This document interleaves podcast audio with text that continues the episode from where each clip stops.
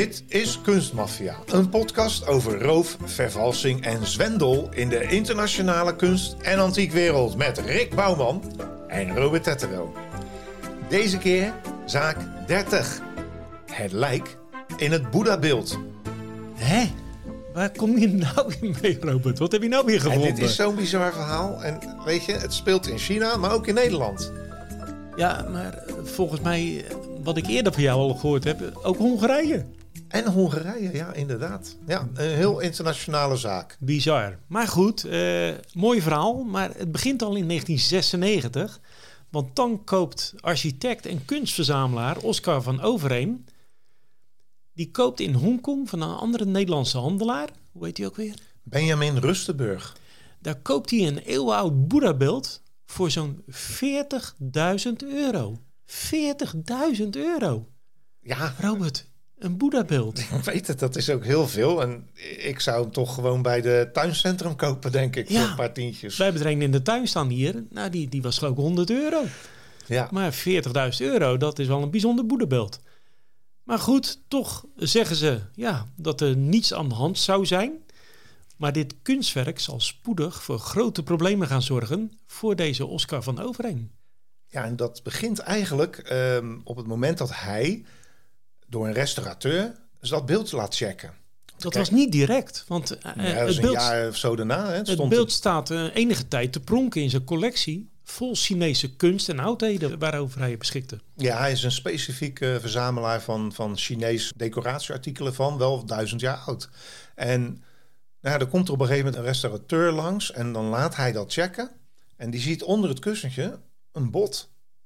En die, een bot? Nou ja, Een bot? een bot. Dus ja, die een beetje vertwijfelt. En wat doen ze dan? Het is een beetje, ja, heel raar, lijkt wel een avonturenfilm.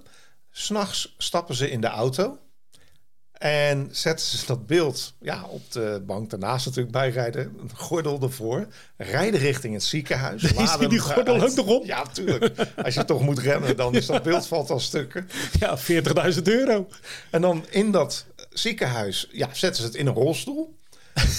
rijden door de gang heen. Ja, ik, ik, kan, ik kan me dat helemaal voorstellen. En komen ze bij de CT-scan. Laten er doorheen gaan. En wat zien ze? Een onwerkelijke ontdekking, Rick. In het Boeddha-beeld zit een menselijk skelet in de lotushouding. Hé, En de scans liegen niet. Dus het is niet alleen een kunstvoorwerp, maar het is ook de laatste rustplaats van een overleden monnik. Oké, maar die, die hebben ze dan gewoon in feite vervoerd vanuit China naar Nederland ook. Ja, dat is blijkbaar een gebruik. Dat ze dus, nou ja, goed, de Egyptenaren deden hun mummies in een, in een sarcofaag en in China klaarblijkelijk af en toe in een beeld. Maar gewoon met een vliegtuig vanuit Hongkong naar Nederland. Ja, ik denk niet dat hij in de handbagage zat, anders hadden ze het misschien wel eerder gezien. Misschien zat hij toen ook al in de gordel. Nou ja, Maar goed, in 2014 besluit Oscar van Overheem voor een expositie in het Natural History Museum van Budapest het beeld daar uit te lenen. Vind ik wel een beetje vreemd natuurlijk. Nou ja, kijk, hij zal onder de musea wel bekend zijn als een verzamelaar. Want eh, ja, een beeld van 40.000, hij had veel meer. Hij verzamelt heel veel. Dus ja, dan is hij waarschijnlijk bekend en krijgt hij zo'n uitnodiging. Dan denkt hij, ja, dat stuur ik wel op. Misschien was hij het vergeten. Het was toch alweer zo'n eh, tien jaar geleden. Ja, en je vergeet natuurlijk dat er ook een lijk in zat. Dat, eh, ja, het is sowieso wel vreemd als je dat in je huiskamer hebt staan. Maar goed, Door dat Budapest gebeuren, door die eh, tentoonstelling al daar, zien ook de inwoners van het Zuid-Chinese dorpje Shangun de beelden uit Budapest. En Robert, zij barsten spontaan in huilen uit. Zo schrijft althans de Chinese media, die het drama dus blijkbaar behoorlijk opschroeft. De dorpsoudsten beweren dat het beeld eind 1995 uit hun tempel zou zijn verdwenen. Gestolen. ja, dat kan ongeveer wel kloppen met de tijd van aankoop. Ja. En nu zou het dus terecht zijn voor die Chinezen. Het dorpscomité van Yangchun wijst op de Chinese karakters die volgens hen aantonen dat het beeld aan hun dorp toebehoort. Maar zonder opgave van reden trekt de eigenaar van het beeld, Oscar van Overheem, het beeld terug uit de expositie. Ja, hij voelde dus toch waarschijnlijk wat nattigheid. Maar goed, Honderden inwoners uit het dorp ondertekenen een brief die ze via de Chinese ambassade naar premier Mark Rutte sturen. Ze pleiten voor de terugkeer van de Boeddha. Er volgen gesprekken tussen de dorpelingen en Oscar van Overheem om het beeld terug te krijgen. Maar die lopen op niets uit. Overeem wordt achterdochtig en vraagt volgens de Chinese media plots miljoenen dollars voor het beeld. 20 miljoen dollar heb ik ergens gelezen. Wauw. 40.000 euro en nou 20 miljoen dollar. Ja, daar is, er is wel, bijzonders mee is dan. wel een verklaring voor. Want dat beeld zat op een kussen. En dat kussen was gedateerd in de Ming-dynastie. Ik kijk niet op een jaar meer of minder, maar ongeveer 900 jaar geleden. En dan is die inderdaad rond dat bedrag waard. Maar het lichaam blijkt 100 jaar ouder te zijn. En dat beeld. En dan is het de Song-dynastie. Nou, Rick, en dan, dan weten we allebei natuurlijk. Dan zijn het te grote getallen. Dan worden het miljoenen dollars ineens. Dus ja, dat is zeg maar de verklaring uh, die daarachter zit. Nou ja, de dorpsbewoners stappen naar de rechter en spannen een zaak aan tegen Oscar van Overeem. Het beeld moet terug naar de tempel waar de monnik thuis hoort. Dat vinden ze. Een vertegenwoordiging van het dorpscomité uit Yangchung vliegt zelfs speciaal voor de zitting over naar Nederland. In oktober 2018, Robert, dient de rechtszaak in Amsterdam, waar de emoties inderdaad af en toe hoog oplopen. Oscar van Overheem slaat met zijn vuist een keer op tafel. Als er zoveel bagger over je heen wordt gestort, is het tijd om daar paal en perk aan te stellen, zegt hij. En dat laat hij dan ook de rechter weten. Hij bood eerder aan om het beeld wel terug te geven aan China, maar niet naar een of ander gillend dorp dat zomaar beweert dat het van hem is. Overeem stelt eisen, maar daar willen de Chinezen weer niet aan voldoen. Ja, en uh, inmiddels is ook bekend geworden wie er dan in dat Boeddha-beeld zit te mediteren, in die lotushouding. Het gaat om het gemummificeerde lichaam van Zanghong Sushi. Sushi, met een Z, Rick. Ja, een Z. Hij komt niet uit Japan. Nee, een monnik van, uh, van 37 was hij. Ja, en uh, nou, ruim duizend jaar geleden leefde hij in dat dorp of in die regio en stierf nadat hij zichzelf had uitgehongerd. Zijn stoffelijk overschot werd gemummificeerd en vervolgens in een goudkleurig beschilderd beeld van pleisterwerk geplaatst en gehuisvest in de tempel van het dorp. Wauw, hé.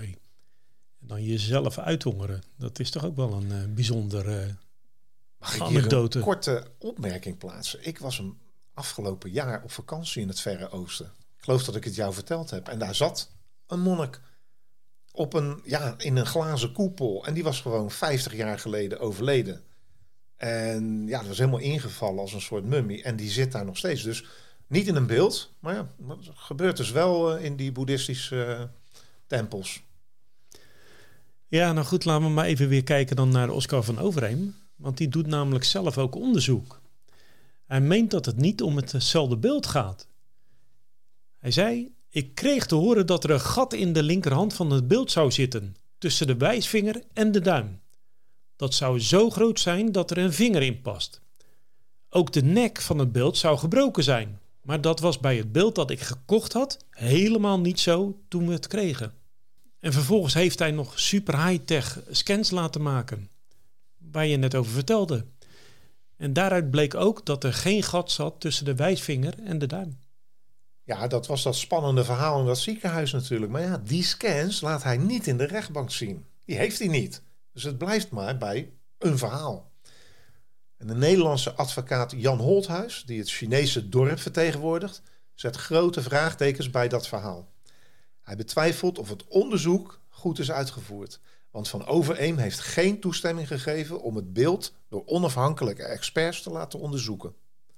Bovendien had hij als ervaren handelaar moeten vaststellen of het om roofkunst ging, al dus Holthuis.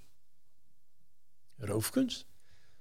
Ja, ja ik, ik, ik kan daar ook wel in komen eigenlijk, toch?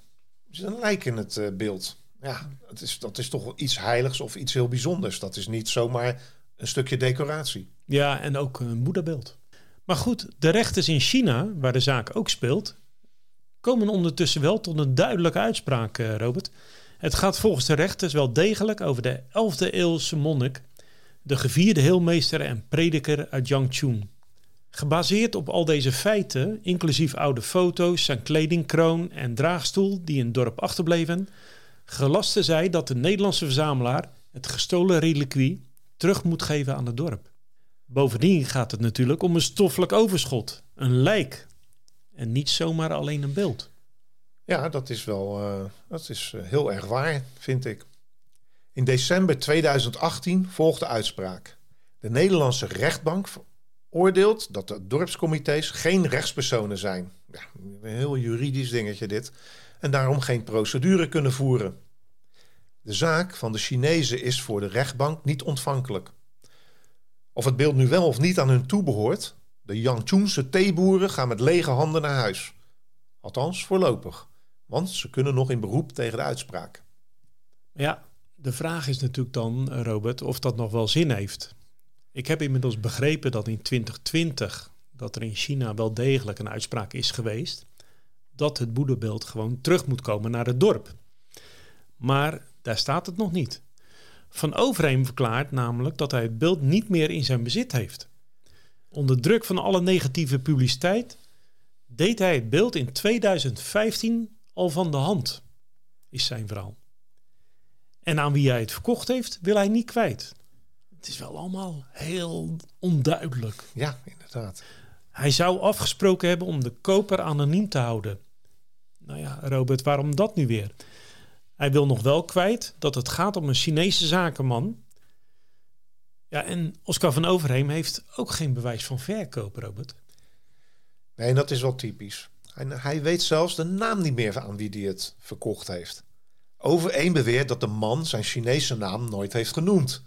Alleen zijn Engelse naam. Nou dat, dat gebeurt wel eens, maar ja, als je een, zaak met elkaar aan het doen bent, dan wil je toch ook wel uh, de Chinese naam weten. Tuurlijk, je geeft elkaar een hand en dan. Maar die, die Engelse naam, die heeft hij ook niet onthouden. Nou, een heel slecht geheugen.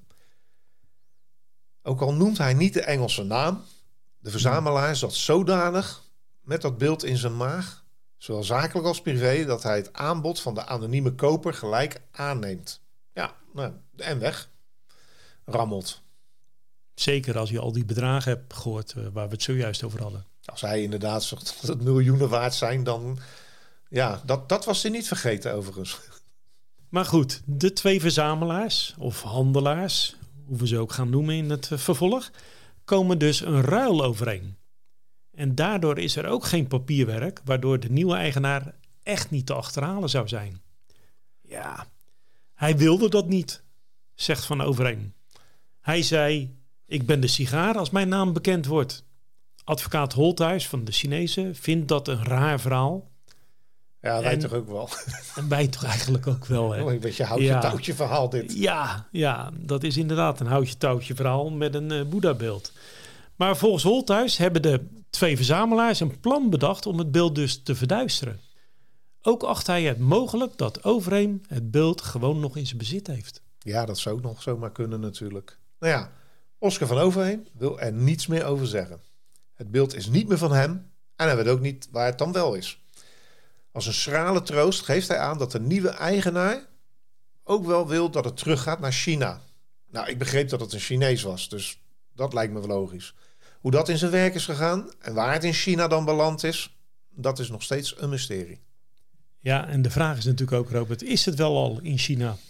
Want er zou ook iets bekend zijn dat de nieuwe eigenaar van het in de lotushouding zittende beeld in overleg zou zijn met een Taiwanese familie die de Boeddha aan het dorpje zou willen teruggeven. Ja, het zijn wel allemaal heel positieve verhalen dat het allemaal goed gaat komen. Maar voorlopig nog geen foto opgedoken of geen goed verhaal opgedoken over of het nou echt teruggekomen is in, in de tempel van dat dorp. Nee, ik denk wel dat we hier nog wel eens een keer op terug gaan komen. Of het nou over een maand is of over vijf jaar, zal dat beeld toch wel een keer boven water gaan komen. Ja, natuurlijk. Dat staat gewoon ergens. Of het uh, komt misschien wel weer terug in een tentoonstelling, wie weet. En, en dan begint de hele riedel van voren aan. Luister jij graag naar Kunstmafia en wil je Rick en Robert ondersteunen? Ga dan, als je wat kan missen, naar fooiepot met een d.com slash kunstmafia. En geef daar een digitale fooi. Dus fooiepot.com slash kunstmafia.